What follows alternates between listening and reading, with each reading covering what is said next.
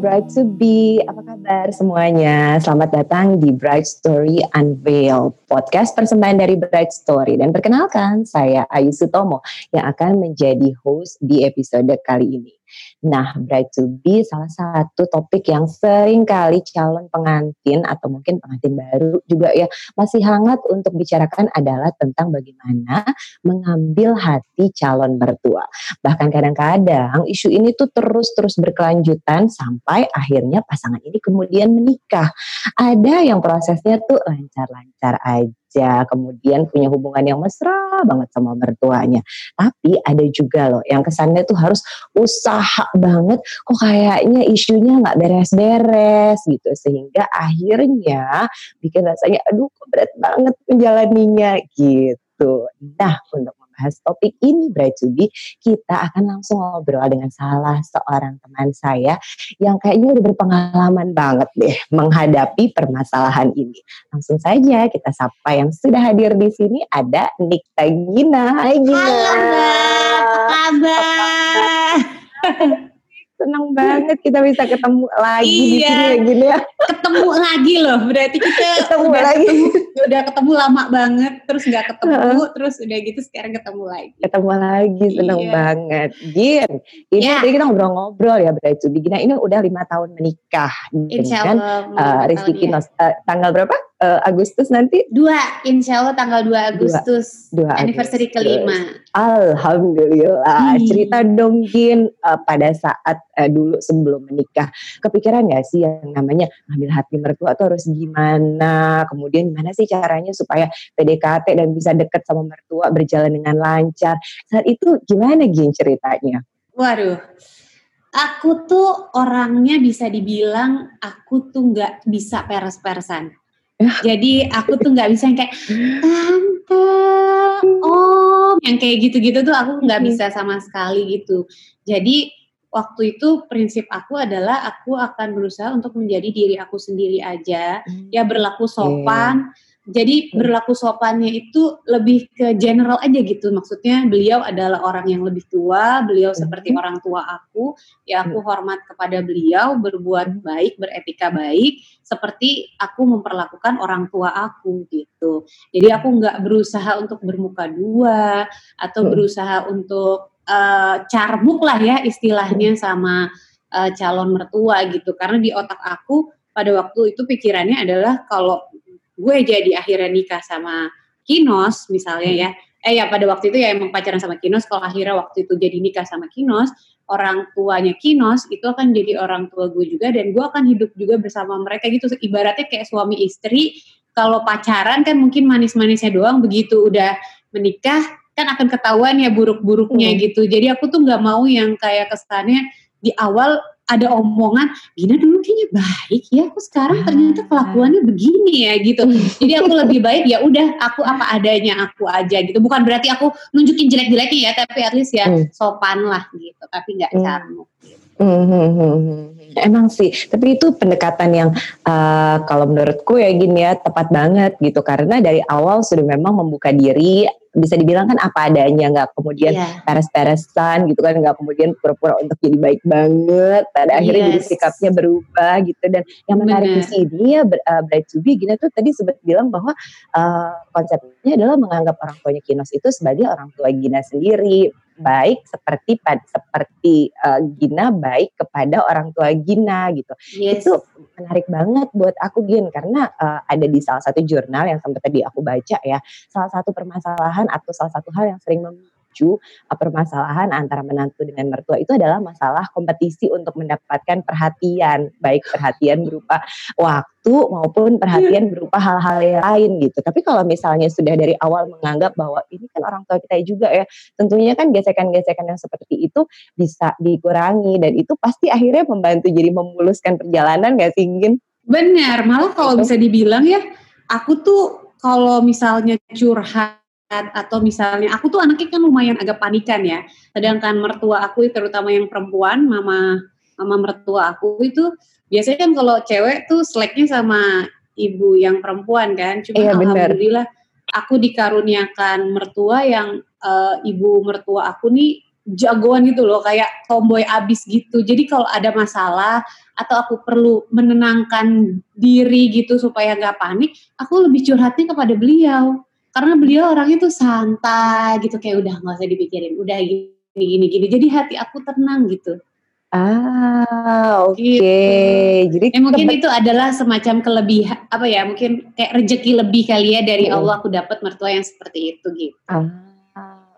Oke, tapi gitu, pada saat belum nikah gitu ya sama Kinos, pernah sih ngobrol-ngobrolin masalah ini, gimana nih aku harus deket sama mama, gimana aku harus deket sama papa, terutama uh, pada saat nanti aku nikah harusnya gimana ya, topik-topik kayak gini pernah gak sih pada saat sebelum menikah ya tentunya, itu diobrolin gitu barengan sama Kinosnya? Uh, jujur sih aku nggak pernah ngobrolin ke arah sana ya waktu sebelum nikah gitu. Jadi kayak aku sama Kinos itu intinya adalah ya aku melihat Kinos kalau ke orang tua aku dia menjadi diri dia sendiri gitu ya. Sopan-sopan ke orang tua aku pun juga seperti itu gitu. Cuman mungkin aku lebih belajar dari uh, pengalaman kali ya. Aku melihat ibu aku gimana ke mertuanya gitu. Dan mhm. sempat ada masa yang uh, cukup buruk lah. Bukan buruk ya maksudnya uh, seperti yang terjadi di kehidupan gitu. Ada slack antara orang tua eh antara menantu perempuan dengan mertua perempuan itu uh, yang sering ditemuin kan. Nah, jadi benar. aku lebih belajar di situ gitu. Hmm. Nah, jadi akhirnya uh, palingan kalau yang uh, jadi prinsip aku sama Kinos adalah kayak kalau ada urusan yang kalau ada ngegrendeng di dalam hati yang berurusan sama orang tuanya Kinos, aku tidak akan langsung menyampaikan kepada orang tuanya, tapi aku akan hmm. ngobrol sama Kinos dan Kinos yang akan menjadi penengah gitu.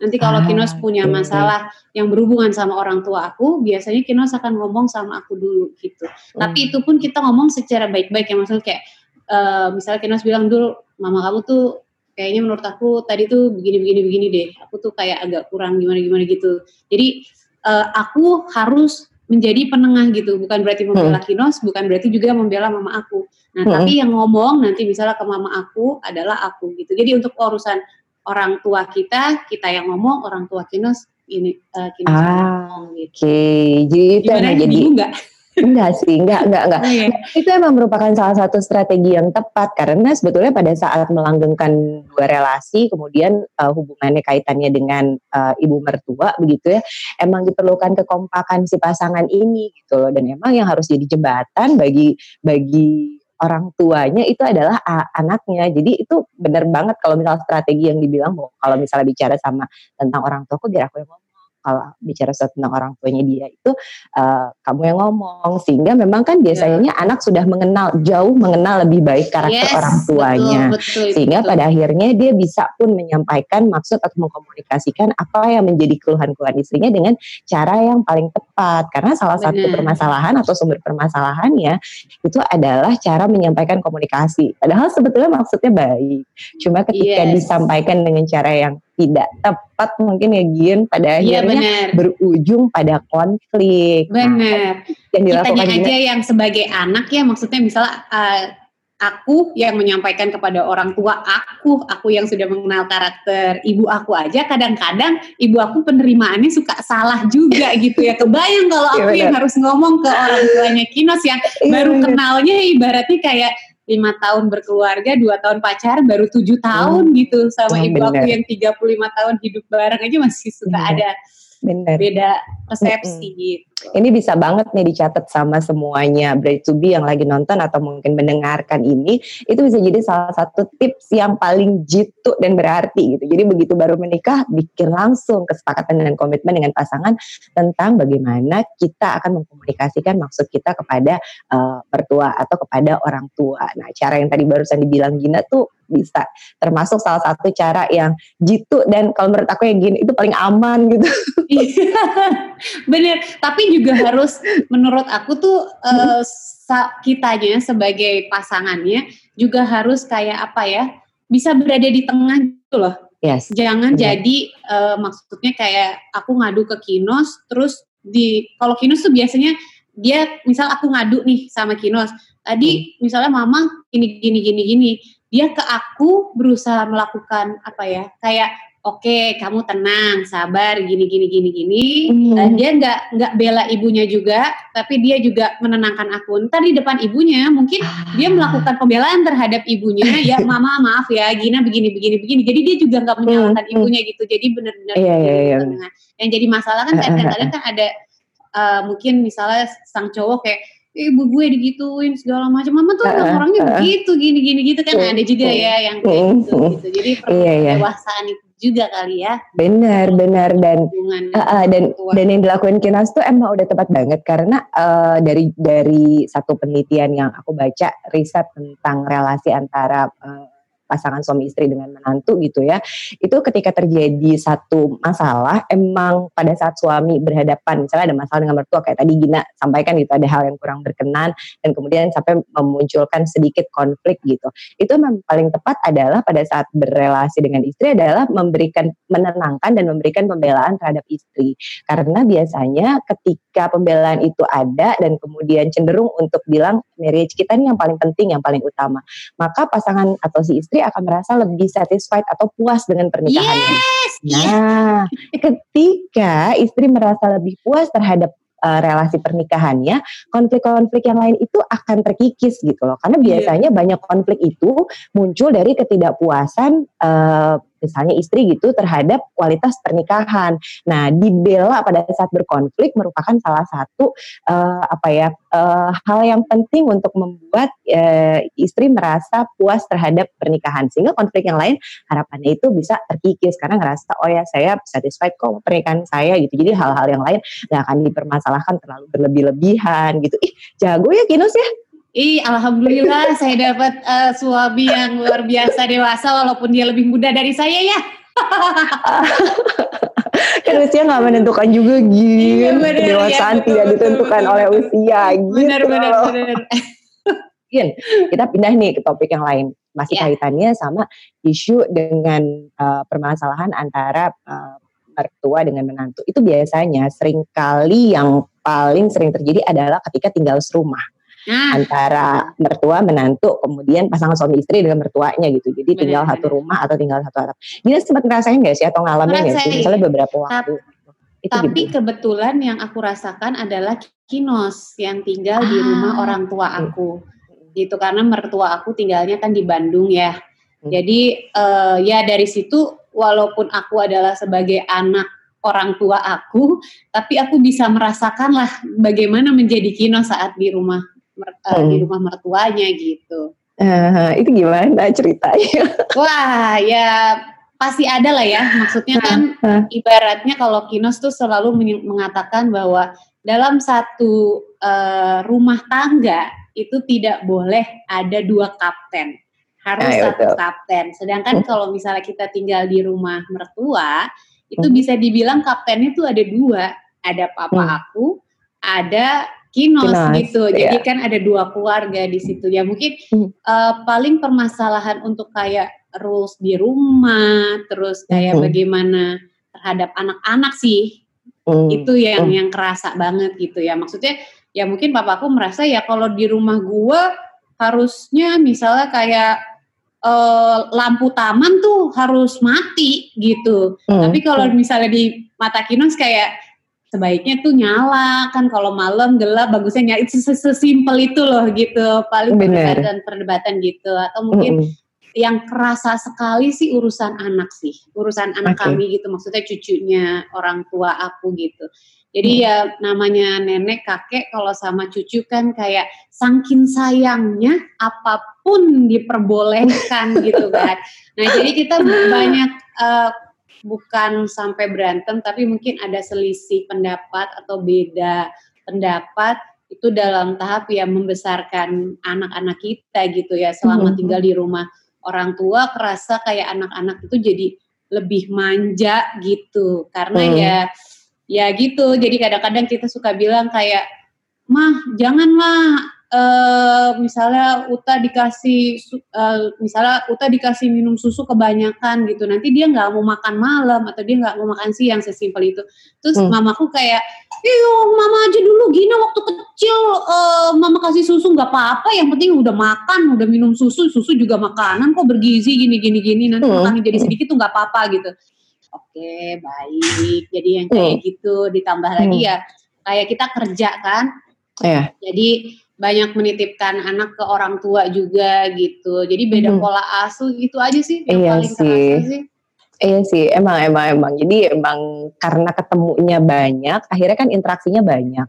Semakin iya. banyak interaksi itu kan ada dua hal ya. Kalau misal dalam kita berkomunikasi, ketika kita berinteraksi dengan seseorang, semakin banyak kayak kita berinteraksi itu bisa memunculkan dua hal. Yang pertama adalah relasinya menjadi semakin hangat karena memang cocok dan bisa saling mengerti, atau kebalikannya justru kemudian memunculkan potensi-potensi konflik karena seringnya gesekan akibat interaksi tersebut. Namanya dibesarkan dalam dalam keluarga yang berbeda, iya. terus udah gitu zaman yang berbeda ya Gin kan sama bener, orang tua tuh udah udah beda banget pola pengasuhan iya, mereka iya, dibesarkan bener. dengan gimana kita ya masih ini dibesarkan dengan cara seperti apa gitu kan ilmu iya. parenting lebih banyak terserap sehingga mungkin ya sering banget memang pada akhirnya muncul gesekan-gesekan tersebut gitu yes. itu emang jadi jadi jadi uh, sering kali jadi sumber konflik sih tinggal bersama dengan uh, mertua gitu. Tapi kalau kemudian Gina sama Kino sendiri, Kino terutama ya saat itu overcoming masalahnya gimana Gina? Apa yang kemudian Kino lakukan untuk pada akhirnya bisa mm, nggak menjadi sebuah konflik yang besar gitu. Bahkan justru mungkin berujung pada jadi lebih ngerti nih, oh nih mertua aku tuh emang ternyata kayak gini tuh orangnya. Nah, langkah-langkah yang Kino lakukan untuk pada akhirnya menyelesaikan masalah itu atau over, overcome dengan masalah itu itu apaan gitu? Uh, kalau Kinos itu untungnya dikaruniakan kesabaran yang lebih kayaknya ya menurut aku ya. Jadi yeah. kalau untuk urusan pola asuh anak pada akhirnya kalau itu kita omongin. Diomongin secara baik-baik, bahkan kadang-kadang kita kasih tahu nih sumbernya hmm. kita dapat nih dari uh, ilmu parenting ini kita dapat dari sini loh. Jadi ah. sekarang tuh metodenya tuh begini loh Mungkin hmm. waktu hmm. mama ngebesarin Gina uh, caranya tuh dulu mungkin begitu, tapi kalau sekarang hmm. tuh udah berubah nih mah caranya tuh udah ah, begini. Iya. Kita mau coba dengan cara seperti ini apakah berhasil hmm. ke anak-anak gitu. Hmm. Jadi kalau untuk urusan pola asuh kita obrolin secara baik-baik gitu ke orang tua. Hmm. Terus ke, sampai akhirnya ada momen di mana orang tua kita kayak iya juga sih ya ya udah deh jadi kayak anak-anak lu ya terserah lu deh mau diapain gitu. Kalaupun kita tit iya kalaupun misalnya kita titip kerja misalnya udah kita kasih tahu nanti tolong ya misalnya liatin uh, anak-anak harus gini gini gini gini gini. Jadi mereka akhirnya ujung-ujungnya yang tadinya ngotot jadi kayak ya udah deh gue jalanin aja mau lu kayak gimana gitu. Sekali masih kasih saran masih suka oh enakan juga begini sih begini. Jadi kita tetap menganggap bahwa uh, orang tua tuh pasti juga pengen yang terbaik lah buat hmm. anak-anaknya, yeah. buat cucunya yeah. gitu. Jadi yang mereka saranin tuh nggak mungkin lah sesuatu hmm. yang jelek buat kita gitu. Kalau emang menurut kita kayaknya bisa diterima dengan akal kita dan kayaknya memang oh iya juga ya. Biasanya ya kita nggak bakal menolak juga gitu.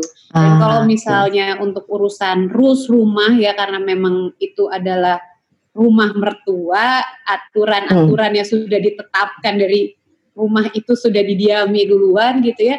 Kalau Kinos tuh lebih memilih kayak udahlah lebih baik aku diem aja. Kalau misalnya ah, pun ada salah, yang namanya anak itu tetap kedudukannya di bawah orang tua. Jadi kalau hmm. misalnya pun ada yang nggak enak, lebih baik pada saat terjadi beda pendapat minta maaf aja dulu.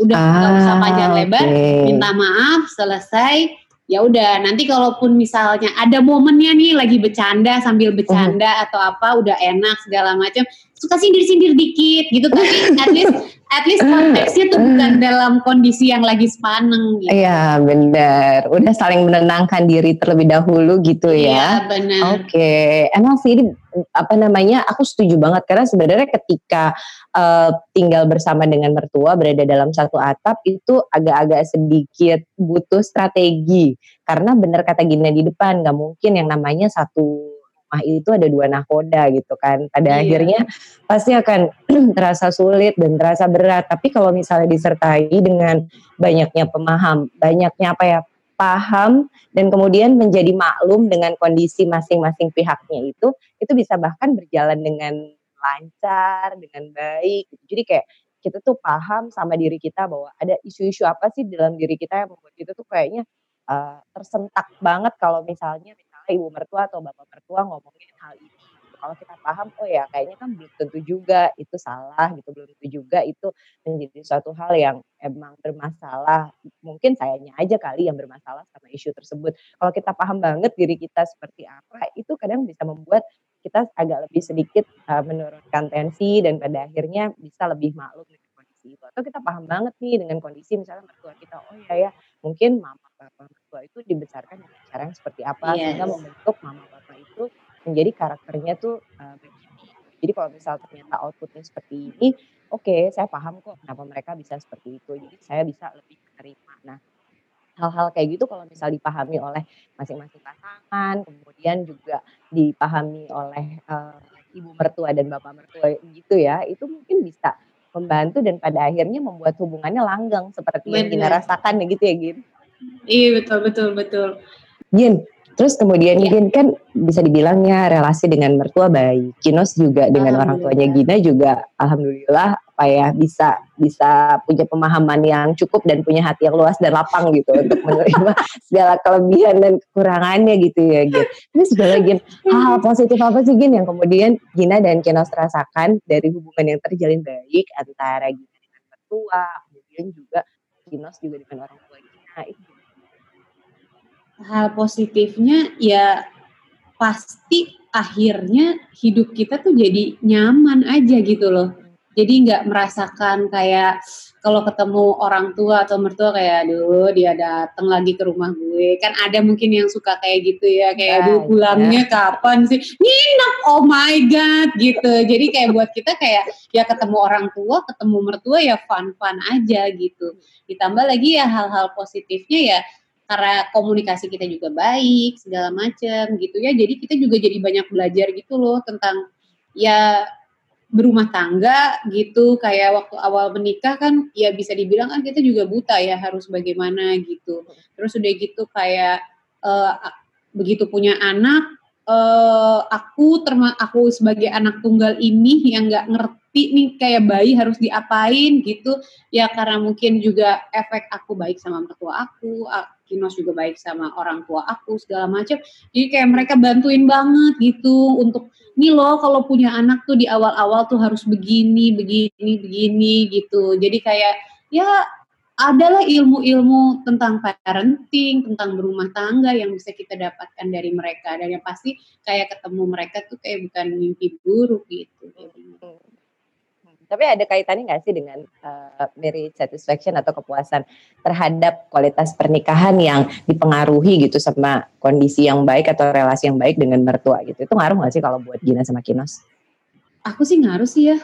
Jadi hmm. maksudnya kayak kadang-kadang kan ada kayak kita nikah eh, kalau ya maksudnya kalau kayak ngobrol sama teman gitu maksudnya kayak hmm gue sih nggak masalah gitu sama suami gue tapi gue kesel banget gitu sama orang tuanya tuh begini begini begini uh, gitu uh, jadi uh. itu kan kayak ibaratnya ada yang minus gitu loh dalam rumah uh. tangga lu gitu kalau uh. buat aku tuh begitu gitu jadi buat aku tuh kayak paket lengkap pernikahan kebahagiaan uh. pernikahan itu bukan cuma dibangun dari keluarga inti lu doang, lu sama suami, sama anak-anak, uh. tapi juga sama surroundingnya gitu loh, sama iya, keluarga, ya, sama uh. orang tua, sama mungkin kayak kakak adiknya segala macam. Bener, gitu. bener. Apalagi Jadi kita kan tinggal di sendiri.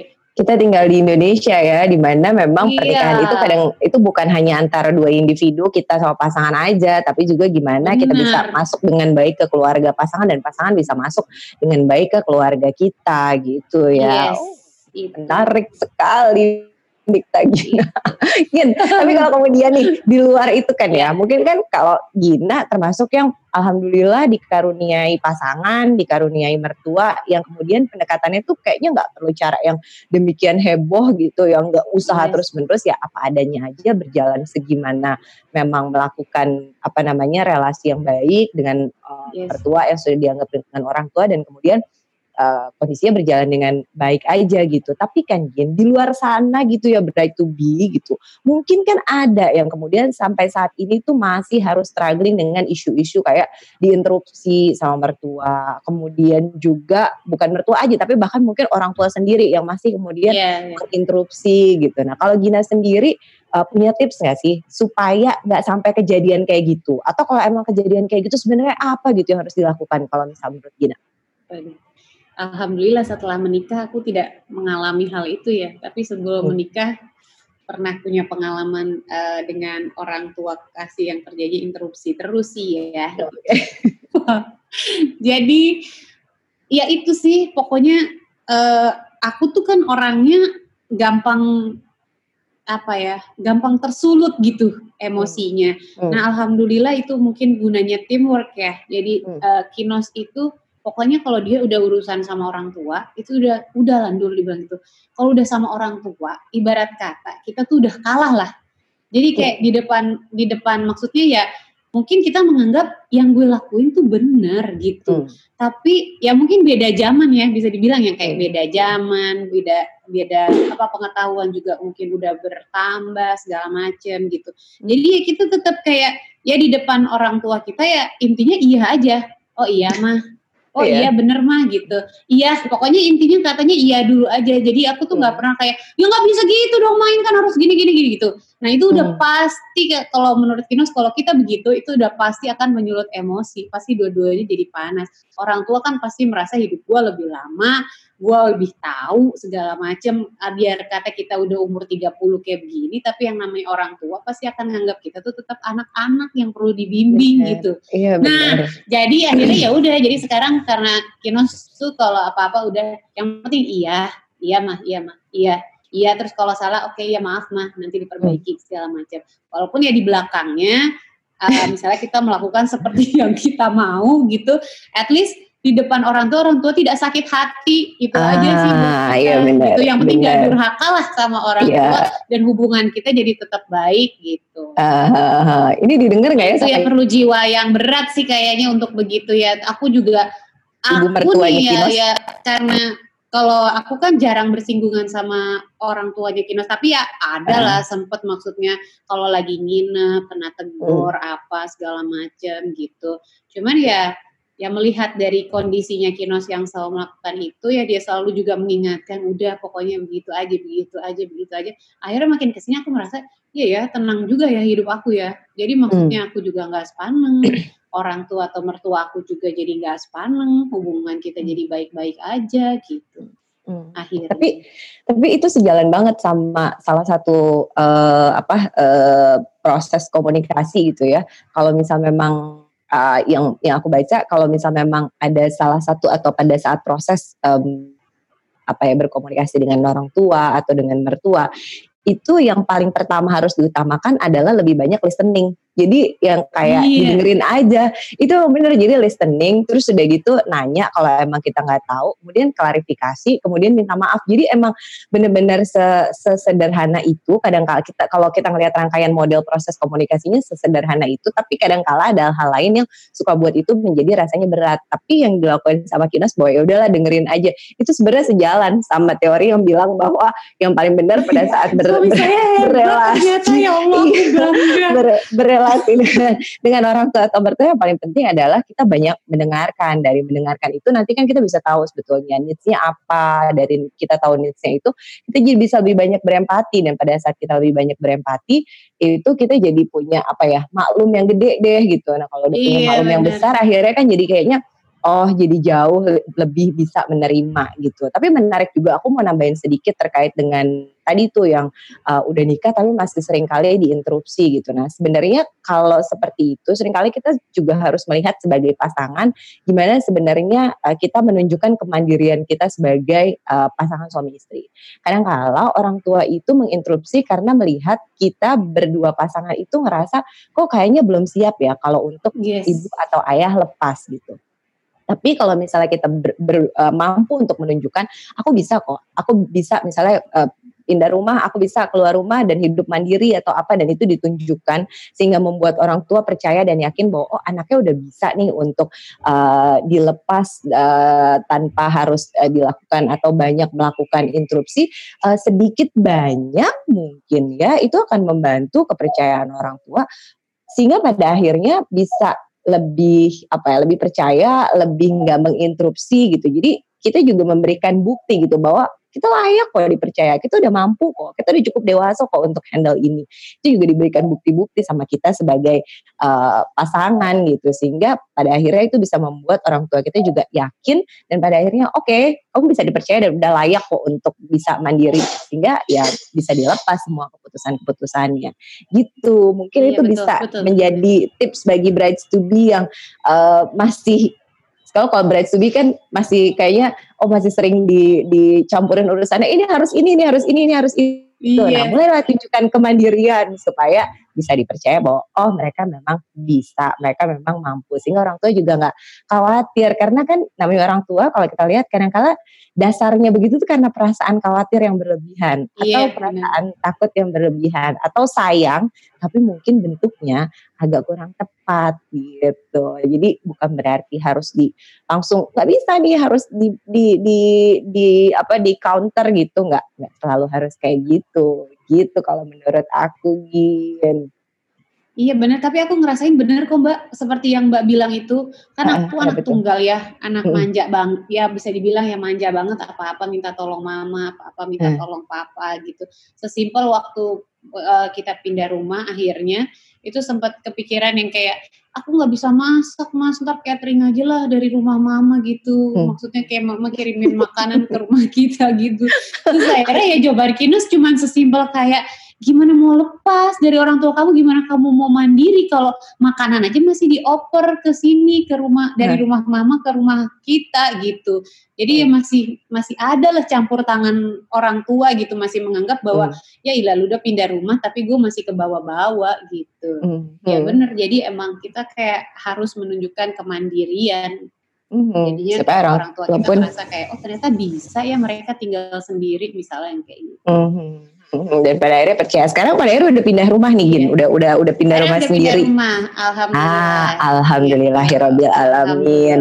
Nah, tipsnya supaya komunikasi yang baik itu kemudian menjadi tetap baik walaupun sudah pisah rumah gitu kan, Gin. Karena ada beberapa yang muncul konflik lagi begitu pindah rumah tuh muncul konfliknya, aduh kok jadi jarang nengokin, sibuk nah, di rumah nah, barunya, iya, iya, udah nggak pernah nengokin lagi sekarang ina itu, ina itu gitu ya Gin. Kalau Gina sendiri gimana mensiasati itu? Aduh, Atau jangan-jangan itu juga, juga jadi problem?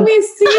aku juga mengalami, terutama kayak papa aku sih. Kalau papa aku kan deket banget oh, gitu sama ya? cucu-cucunya ya. Jadi kayak, kok nggak pernah main ke sini sih? Gitu, uh, apa ya gitu-gitu.